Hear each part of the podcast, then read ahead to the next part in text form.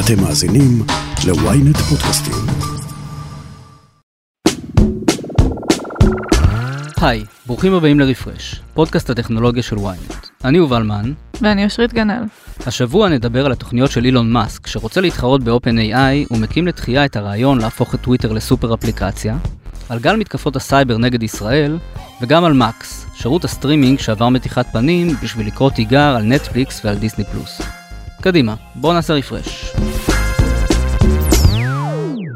אושרית, מה העניינים? בסדר, מה נשמע? לא רע, לא רע. היית צריך לחדש דרכון לאחרונה? האמת שחידשתי uh, לבת שלי לא מזמן, וקבעתי תור איזה חצי שנה מראש, אבל בסוף הצלחתי. כן, אני הייתי מאלה שהלכו לעשות את הדרכון הזמני, מרוב שלא היה תורים לחידוש הרגיל. באיזה מקום מוזר כזה בבני ברק, מוציאים דרכון רק לשנתיים. ובאמת אה, השבוע פתאום אה, גילינו את אחת הסיבות מאחורי התורים המטורפים האלה. בוטים. כן, מסתבר באמת שהייתה קבוצה של בוטים שהיו מזמינים לעצמם תורים ואחר כך מוכרים אותם בכסף ועכשיו משרד הפנים בעצם הצליח לזהות את מספרי הטלפון האלה ולחסום את הניסיונות האלה. כן אז עכשיו יהיה יותר קל למצוא תורים למשרד הפנים ובכלל נראה לי שבעוד כמה שנים ייראה לנו מצחיק שהיינו צריכים להגיע פיזית כדי לחדש דרכון. כן או שלקח להם כל כך הרבה זמן להתמודד עם זה. כן. Meanwhile, Twitter CEO Elon Musk has become the latest businessman to join the artificial intelligence bandwagon. Eight years after co founding OpenAI, Musk has now launched his latest AI startup called XAI Corp. אף פעם לא משעמם אצל אילון מאסק, נכון? כן, הוא תמיד דואג שתהיה לנו הרבה עבודה. כן. דואג לפרנסה שלנו. תודה, אילון. אה, אז עכשיו כנראה שלא מספיק לו להיות המנכ"ל של טוויטר, של טסלה ושל ספייסקס, אה, וגם הבעלים של נוירלינק ובורינג, הוא מקים חברה נוספת בשם x.ai. וכמו שאת אה, מנחשת מהשם, היא כנראה תעסוק בבינה מלאכותית. האקס המיתולוגי, אה, הוא מאוד מחבב את השם הזה, אקס. כן, אחת החברות הראשונות שלו נקראה אקס, ואחרי זה התמזגה עם פייפאל. נכון, וגם הוא מכנה את אחד מהילדים שלו ככה. כן, יש לו שמות קצת מוזרים, הילדים. אה, אז כבר כמה חודשים מסתובבים דיווחים על זה שאילון מאסק אה, מתכנן להקים חברה שתתחרה ב-OpenAI, שזאת החברה שמאחורי ChatGPT, וכמובן גם בגוגל, מייקרוסופט, ובעצם כל חברות הטכנולוגיה שמתעסקות היום בבינה מלאכותית. כן, שצריך להגיד שהוא היה אחד מהמקימים של אה, OpenAI והיום הוא כבר לא מעורב הוא בטח מרגיש שהוא זרק את הכרטיס הזוכה בלוטו או משהו כזה. כן הוא החמיץ את ההזדמנות להיות חלק מזה בעצם אה, הוא היה בין המקימים של אה, OpenAI ב-2015 כשזה עוד היה ארגון ללא מטרות רווח. ב-2018 הוא עזב עכשיו בזמנו הם אמרו שזה בגלל ניגוד עניינים בין OpenAI לטסלה שבעצם מתחרים על אותם טאלנטים בתחום ה-AI אבל ממש לאחרונה פורסם דיווח של אתר סמאפור שבעצם הרקע לנטישה שלו הייתה איזה היה איזה סכסוך מאבק שליטה בעצם על החברה הוא בעצם רצה לנהל את החברה והמייסדים האחרים התנגדו ובסופו של דבר הוא סוג של נזרק או זרק את עצמו החוצה.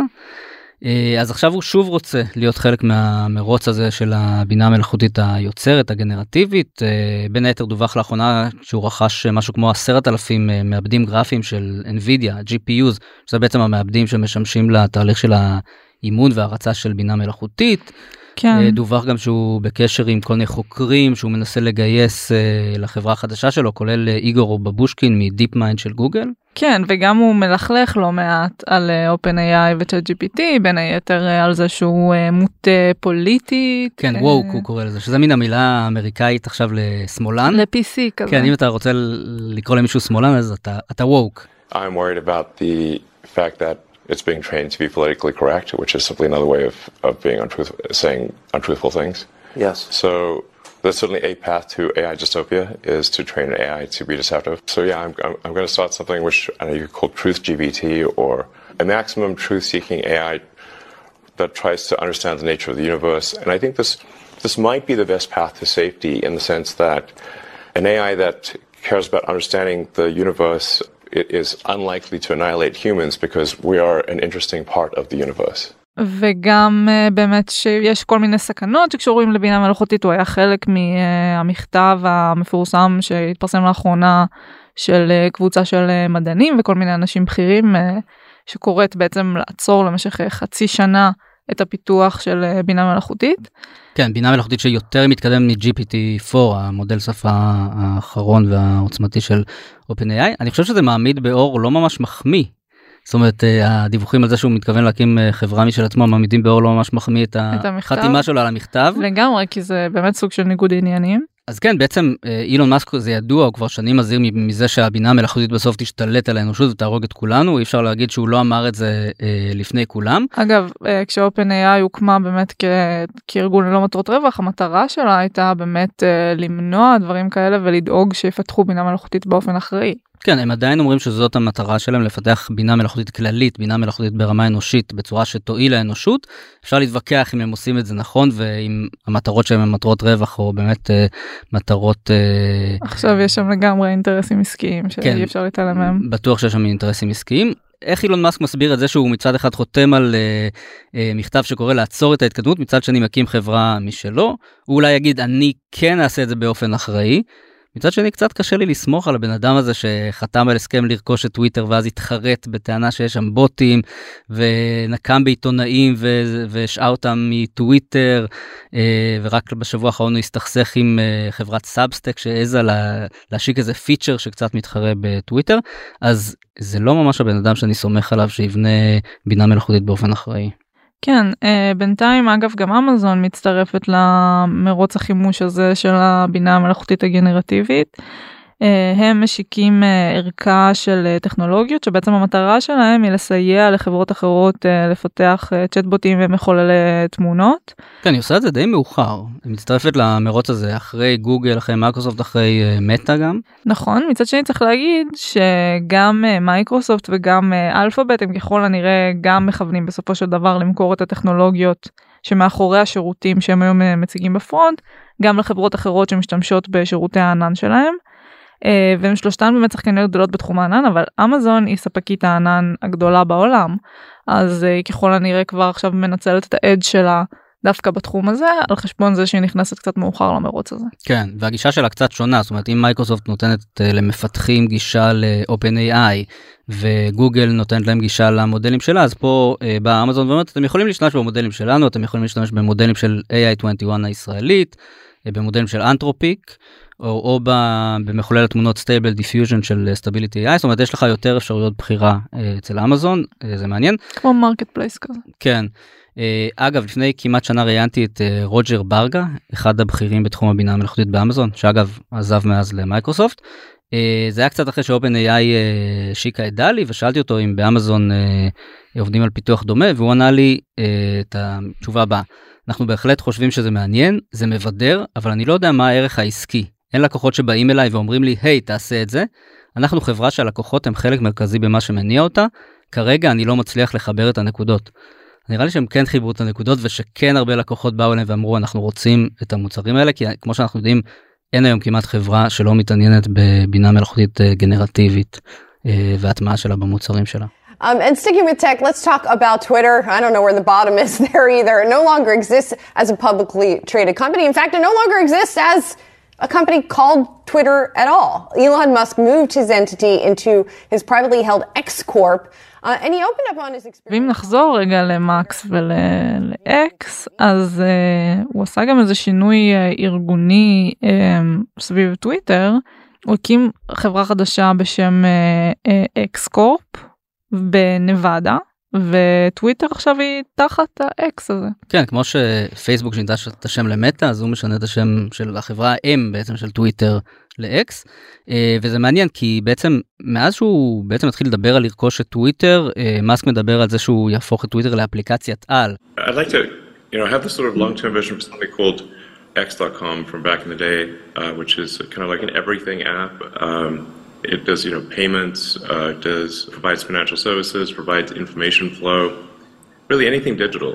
לסופר אפליקציה שבעצם uh, תשלב uh, כמה סוגים של שירותים, זאת אומרת לא רק uh, רשת חברתית אלא גם uh, שירות צ'אטים, uh, תשלומים, אולי הזמנת מוניות או אוכל וכדומה, שזה מודל שאנחנו מכירים די טוב מהמזרח הרחוק, וויצ'ט uh, בסין, קקאו בדרום קוריאה, זה, זה מודל שעובד די טוב שם, אבל במערב לא ראינו את זה כל כך מצליח עד עכשיו. נכון. יש הרבה בעיות עם הדבר הזה ושקצת uh, מקשה לראות איך זה מתממש במערב בין היתר העניין של ריכוזיות. Um, לא יודעת עד כמה הרגולטורים שכבר עכשיו uh, מאוד ביקורתיים כלפי ענקיות טכנולוגיה איך הם הסתכלו על אפליקציה שאתה נכנס אליה ודרכה בעצם מבצע כל שירות שאתה יכול להעלות על דעתך באמת אם זה זה כאילו שיהיה לי את ביט את גט טקסי ו... לא יודעת, את ספוטיפיי ואת אה, ורשת חברתית תחת ואת וואטסאפ תחת אותה אה, אפליקציה. כן אבל אולי דווקא העובדה שזה אילון מאסק ולא מטא או גוגל שעושים את זה אולי דווקא זה יעזור לו מול הרגולטורים. אני לא יודעת כמה הוא נתפס כאנדרדוג. כן הוא לא ממש אנדרדוג אבל אין לו באמת אימפריה מהסוג של אה, מטא או גוגל. וגם יש עניין עם אבטחת מידע שבעצם שירותים כאלה הם אוספים עליך כל מידע אפשרי בעצם כל פעולה שאתה רוצה לבצע דיגיטלית הם, הם יודעים. לנטר את זה. כן, אני חושב שהבעיה של מאסק כרגע היא שהמספרים אה, די נגדו, אה, ממש בימים האחרונים פורסמו נתונים שלפיהם הטראפיק של אה, טוויטר צנח ביותר מ-7% במרץ 2023 לעומת אותו חודש uh, ב-2022 מדובר בחודש שלישי ברצף של ירידה במספר כניסות לאתר. אז אולי הסופר אפליקציה הזאת תעזור למאסק לשפר את המצב של טוויטר אבל אני חושב שיש פה בעיה של אמון זאת אומרת המשתמשים אה, לא כל כך ישמחו לתת את פרטי האשראי שלהם ולהסתמך יותר ויותר על אפליקציה שהבעלים שלה והמנכ"ל שלה הוכיח שוב ושוב כמה הוא בלתי צפוי ואי אפשר לדעת מה יהיה הצעד הבא שלו.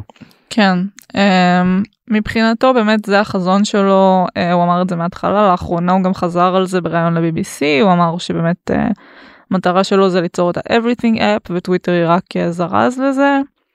עוד נקודה מעניינת לגבי זה שעכשיו הוא רשם את החברה בנבדה, זה ששם בעצם החוקים יותר מקלים ויש פחות אחריות אישית על הבכירים בתאגידים. אז מעניין יהיה לראות אה, לאן זה הולך ואיך ילך לו עם החזון הזה. כן, משעמם זה בטוח לא יהיה. אז uh, השבוע היה מאוד uh, סוער בגזרת הסייבר בארץ, uh, וכדי לדבר על זה ולהבין קצת מה קרה שם, מצטרף אלינו עמיתנו רפאל כהן, כתב הטכנולוגיה של ynet. מה נשמע? בסדר גמור, מה שלומכם? מצוין, אז בעצם בכל שנה בתחילת אפריל מתקיים אה, קמפיין סייבר אנטי ישראלי בשם אופ ישראל, אבל בדרך כלל זה מסתיים בכמה השחתות והפלות של אתרים די זניחים, אבל השנה ראינו משהו הרבה יותר מסיבי. נכון, השנה זה באמת הפך לאיזשהו מפגן כוח, מצאנו המון המון אה, ניסיונות תקיפה של כל מיני uh, חבורות האקרים uh, זבות חותם, אבל לא רק. Uh, אם בעבר זה היה המון אקטיביסטים שהיו מנסים להראות כמה הם פרו-פלסטינים ואיך הם הולכים לבייש את הישראלים המומחי הסייבר, אז השנה זה הפך להיות מפגן עוצמה של לא רק של האקטיביסטים, אלא כנראה, ככל הנראה גם של גורמים מדינתיים כלשהם אה, שהרבה מה, מהמומחי הסייבר אה, קישרו לרוסיה, אה, ואולי גם לאיראן, או שזה פשוט שילוב של, של שתיהן. זו לא פעם ראשונה שאנחנו שומעים על שיתוף פעולה ברמת הסייבר בין איראן לרוסיה.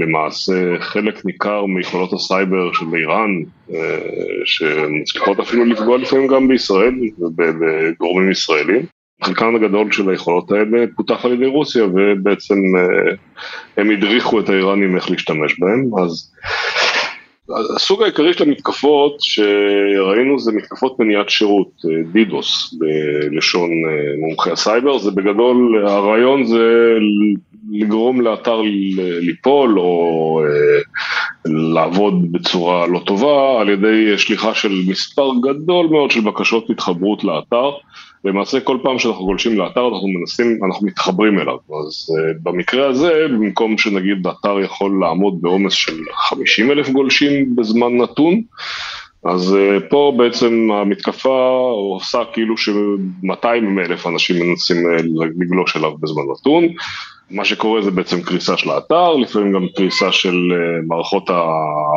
התפעול של האתר הזה, בחסות אה, קריסות כאלה גם לפעמים מתבצעות פריצות סייבר למערכות הניהול, ואז גם נחשפים אה, נתונים ומידע שאוחסן על גבי האתר והשרתים שלו.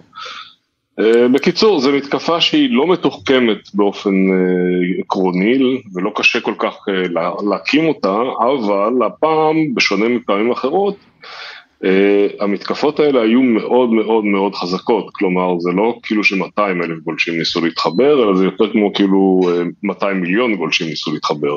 אז בעצם בפועל מה שראינו זה בעיקר אתרים שבאמת אי אפשר היה לגשת אליהם שירדו מהרשת נכון לא ראינו אה, דליפה של פרטים אישיים או דברים כאלה.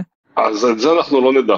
אה, היו כמה דיווחים על פריצות וגניבת נתונים, אנחנו לא יודעים באיזה רמה זה יתבצע, אנחנו לא יודעים לומר אה, עד כמה הנתונים האלה באמת בעייתיים. כן, האקרים האלה אוהבים אה, להתרברב בגנבת מידע שהם לא באמת גנבו אלא מצאו אותו ברשת. למשל, אז אנחנו צריכים לחכות לראות עד כשהאקרים פשוט יפרסמו את המידע בזה בשביל להבין אם היה נזק ומה הנזק. 99% מהפריצות האלה אגב בסוף כן עולה המידע לרשת. אבל לפחות הנזק שאנחנו מודעים לו נכון לעכשיו זה בעיקר נזק תדמיתי נכון? כן. רוב הנזק הוא תדמיתי, אה, אבל גם נזק תדמיתי אה, יש לו שווי כספי כלשהו. אה, ולו רק בגלל שיש למשל במקרה של האתרי בנקים למשל, שנאלצו לחסום גלישה מחו"ל. זה אומר שלקוחות של הבנק שרצו להתחבר מחו"ל לחשבון שלהם לא יכלו. כן. אז הנה, זה, הנזק הוא מעבר לתדמיתי, הוא גם בעצם קצת שירותי. כן, ראינו גם את האתרים של האוניברסיטאות קורסים במקביל, שזו גם הייתה מתקפה די גדולה. ראינו אה, את יאנגו דליברי קורס, אתר של מקורות, נתיבי איילון, אה, לא מעט אתרים שקרסו. הייתה גם פריצה למדי מים או מוני מים בצפון, מערכות השקיה חקלאיות. אה, גם סוג של בעיה, כי בסופו של דבר חקלאים מסתמכים על המערכות האלה בשביל להשקות את השדות שלהם. מן הסתם אם הן מושבתות אז העבודה קצת יותר קשה, הפסד כספי כמובן. אה, אז, אז יש פה נזק שהוא מעבר לתדמיתי, אמנם זה לא נזק בנפש, כן, למזלנו, אה, אבל אה, כן, מערכות סייבר היום, מערכות דיגיטליות, מערכות מחשב, כל המערכות האלה בעצם מנהלות לנו את החיים, ומספיק שמישהו מספיק חכם בשביל לדעת איך לנטרל אותם, וזה יכול ליצור נזק שהוא קצת אפילו יותר קשוח. תגיד, בתחום הסייבר יש איזושהי הערכה למה השנה אופ ישראל משמעותי יותר מבשנים קודמות? אז זהו, שלא כל כך ברור מה הביא את, אה, את הקבוצות האקרים היותר חזקות להשתתף השנה במבצע הזה. אה, אפשר לומר שבשנים עברו באמת זה, זה היה מוגבל לחבורות חובבנים, אה, והשנה באמת ראינו כבר קבוצות מקצועיות, שכמובן עם גיבוי של כלי נשק סייבר אסטרטגי, אבל לא, לא כל כך ברור מה היה העיתוי, יכול להיות שזה איזשהו עיתוי דיפלומטי מצד רוסיה, יכול להיות שזו התגובה האיראנית לכל uh, מתקפות סייבר והפעילות של צה"ל בסוריה, אף אחד לא כל כך יודע מה לומר לגבי זה. בעולם הסייבר הרבה פעמים ההזדמנות עושה את הפעולה. האקרים יכולים לארוב במשך חודשים וחודשים ואפילו שנים עד להזדמנות שהם יכולים להיכנס ולפרוץ למערכת כלשהי. אבל יש בזה גם משהו טוב. אני יכול לומר בתור מישהו שמסקר את התחום כבר המון שנים, שבשנים האחרונות התחיל כבר איזושהי שאננות מסוימת אה, בקרב אה, גורמי מקצוע בכל הנוגע לנושא של אופ ישראל. אה, זה הגיע לשלב שאפילו אצלנו, גם, גם אנחנו העיתונאים חטאנו קצת, כי הרבה פעמים גם לא דיווחנו על כל מתקפה, וגם בשנים שעבר, שעברו זה, זה כבר הפך להיות מין כזה, אה, עוד פעם, שוב פעם, כן. אני מודה שזה מה שאני אמרתי השנה, כי אני רגיל לזה שבכל שנה חברות הסייבר דווקא מזהירות, אופ ישראל בדרך, ובסוף זה נגמר בהשחתה של איזה אתר של איזה מועצה מקומית, והשנה באמת אה, הופתעתי מהעוצמה של זה. אז, אז לא רק אתה, כולם, ואני יכול להגיד אפילו גורמים, אה, גורמים ממשלתיים הופתעו. אז בקיצור, הדבר הזה דווקא לדעתי... קיבלנו קריאת השכמה, אתה אומר. בדיוק, ובמחיר שהוא לא יקר מדי, זאת אומרת זה היה יותר גרוע אם הקריאת השכמה הזאת הייתה מתבצעת על ידי הפעלה באמת של איזשהו אתר רגיש או של אה, באמת השבתה של שירות אה, חשוב או שוב בית חולים שהיה מושבת או דברים כאלה שזה הרבה יותר גרוע כי זה באמת פה יש פה סכנת נפשות כבר, הסיפור עם בית חולים אילן יפה שהושבת על ידי נוסקת כופר, שבהתחלה זה קושר לאיראנים, אחר כך זה לא, לא, לא היה ברור כל כך מה, מה, מה יצא מכל הסיפור הזה, אבל מה שכן היה ברור זה שזה השבית בית חולים במרכז אה, למשך תקופה מאוד ארוכה, לפחות חלק מהפעילות שלו, לא הכל כמובן, אבל זה הוסיף עוד עומס על בתי חולים אחרים. בקיצור, אה, זה היה אירוע שהוא מעבר לנזק התדמיתי. כן, חשוב להגיד שזה עוד לא מאחורינו, אנחנו לפני uh, יום העצמאות, uh, וסביר להניח שיהיו עוד ניסיונות uh, לתקוף מטרות בישראל. Uh, כל ההערכות מדברות על זה שבעצם um, עכשיו כרגע המצב uh, בעצם uh, הופך לרגיש, אפילו בבית למשל. Uh, היה סיפור השבוע שפורסם על כך ש... פתאום אה, מערכות בית חכם התחילו להשתולל קצת אצל האנשים בבית, אה, לפתוח תריסים, אה, יודע מה, בלי שום קשר וכל מיני סרטונים שהוקרנו באיזושהי טלוויזיה או באחד המסכים, וכל זה בעצם נבע מאיזושהי מערכת בית חכם שמותקנת כנראה אצל הרבה אנשים בישראל, שהממשק ניהול שלה פשוט, הם לא שינו את הסיספת ברירת מחדל. אמ, ומה שקרה, פשוט האקרים ניצלו את ה... יש, יש כל מיני מנועי חיפוש שמאפשרים למצוא אמ, מה שנקרא שערי כניסה כאלה פתוחים, אמ, וזה די אוטומטי ודי פשוט אה, לביצוע, והם פשוט סורקים את האינטרנט עד שהם מוצאים איזושהי פרצה, נכנסים דרכה ואז מתחילים להפעיל שם את הדברים. במקרה הזה זה פשוט כוון לטווח כתובות ישראלי. כן. אה, ואז זה פגע בישראלים, אה, וכנראה שזה כוון גם אה, בשביל לייצר קצת פחד, ובסופו של דבר זה, זה פסיכולוגית זה מאוד משפיע על אנשים. כן זה נשמע כאילו מצחיק אבל זה בהחלט יכול לפגוע אם פתאום התחילו לנגן מוזיקה באמצע הלילה או להפעיל את החימום על טמפרטורה מאוד גבוהה. אז מומלץ להחליף את סיסמאות ברירת המחדל. תמיד. קודם כל, זה תמיד. אה, ומעבר לזה גם מומלץ אה, להבין איך הציוד שלך עובד, או לפחות אם אתה לא רוצה להבין אז להבין מישהו שיכול להסביר לך ולתפעל את זה עבורך, כי זה באמת, היום בית חכם זה כבר, אה, זה שולט על הבית שלך, אז כדאי להיות מוכנים גם לדברים האלה. בנימה זאת, תודה רבה, רפאל כהן. תודה לכם. הפסקה קצרה וכבר חוזרים. בזמן שאתם שואבים אבק, סיימתם עוד שני פרקים בספר. חדש באפליקציית עברית, ספרים קוליים, דרך חדשה לנצל את הזמן ולהפוך את השגרה לחוויה מרתקת. אז בואו ליהנות מאלפי ספרים להאזנה שמחכים רק לכם. פשוט לקרוא בכל דרך, בעברית. הורידו עכשיו את אפליקציית עברית ללא עלות ותהנו מספר קולי ראשון מתנה. שירותי הסטרימינג HBO Max ו-Discover Plus מתמזגים לשירות חדש שעיקר המקס וינסה לקרוא תיגר על נטפליקס ודיסני פלוס. Max is the one to watch. It's the one to watch because it's the place every member of the household can go to see exactly what they want at any given time. It's the one to watch because we have so many of the world's most iconic and global recognized franchises. אז בעצם אה, השירות הזה, מקס, יושק אה, בארצות הברית בחודש הבא, ב-23 במאי, אה, ובעצם זה לא ממש מפתיע.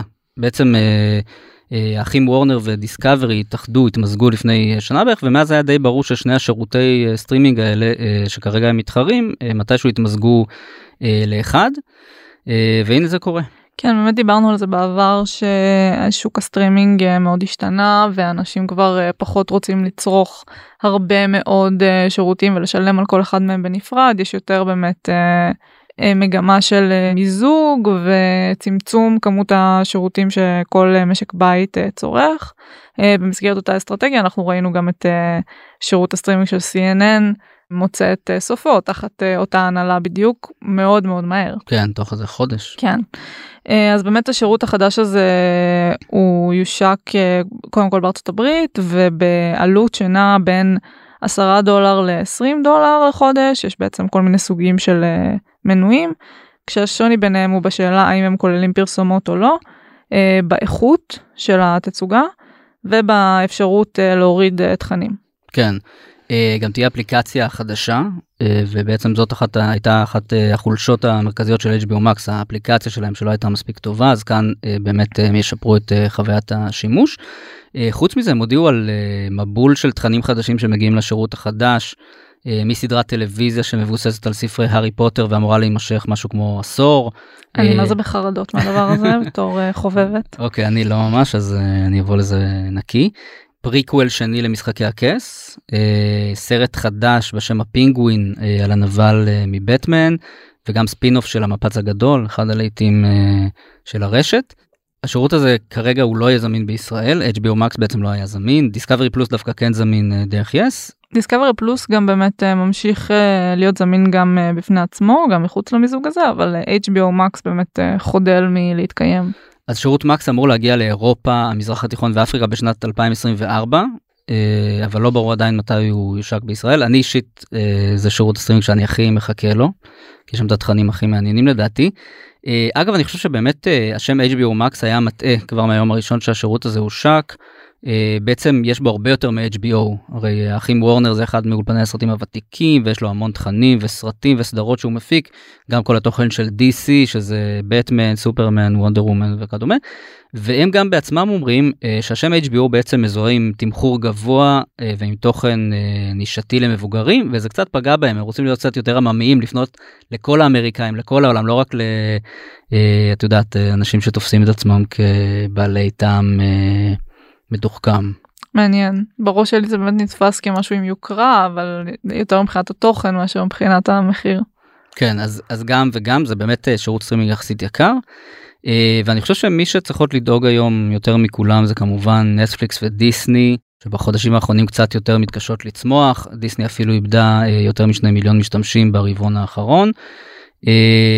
אגב לפלטפורמות הסטרימינג של האחים וורנר ודיסקאברי סך הכל יש 96 מיליון מנויים שזה הרבה פחות מנטפליקס שיש לה 230 אה, לדיסני יש 161 מיליון מנויים אז יש עוד דרך ארוכה אבל אה, יכול להיות שעם המיתוג החדש אה, זה יהיה להם קצת יותר קל.